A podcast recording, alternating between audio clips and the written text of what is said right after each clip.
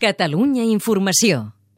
Com us dèiem, obrint aquest bloc informatiu, des d'aquesta mitjanit afegim un altre estat membre de la Unió Europea, és Croàcia, al cap de dues dècades d'haver aconseguit la independència, seguint aquest esdeveniment històric. Eh, tenim a Zagreb, a Zagreb, a la capital, Marialba Gilabert. Marialba, bona nit. Hola, bona nit. Efectivament, ja són oficialment el 28è estat membre de la Unió Europea.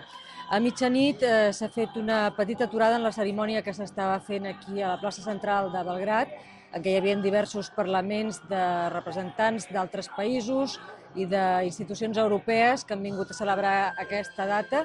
Eh, s'ha fet una aturada per sentir l'himne a l'alegria i per connectar en directe gràcies a unes pantalles gegants amb els punts fronterers amb Eslovènia i Belgrat on s'estaven descobrint en aquell moment unes plaques commemoratives que anuncien que Croàcia ja és territori de la Unió Europea.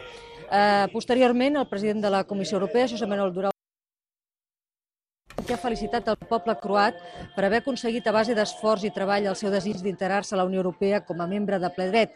Ha dit que gràcies a aquest gran esforç fet en l'àmbit dels drets humans, de la reconciliació i del progrés en pau, s'ha acabat un capítol de la història que es va iniciar fa molt temps per donar pas a un nou capítol que ha de servir d'exemple a d'altres països de la regió. Era una menció eh, implícita però bastant explícita a Sèrbia i també a altres països de la regió com ara Kosovo o fins i tot Bòsnia i Hercegovina o Montenegro. Explicant-nos en directe, per tant, aquest nou capítol per a la història des de Zagreb, Marialba Gilabert. Gràcies, Marialba, i bona nit. Adéu, bona nit. Projecte Explica Europa a Europa amb el suport de la Comissió Europea.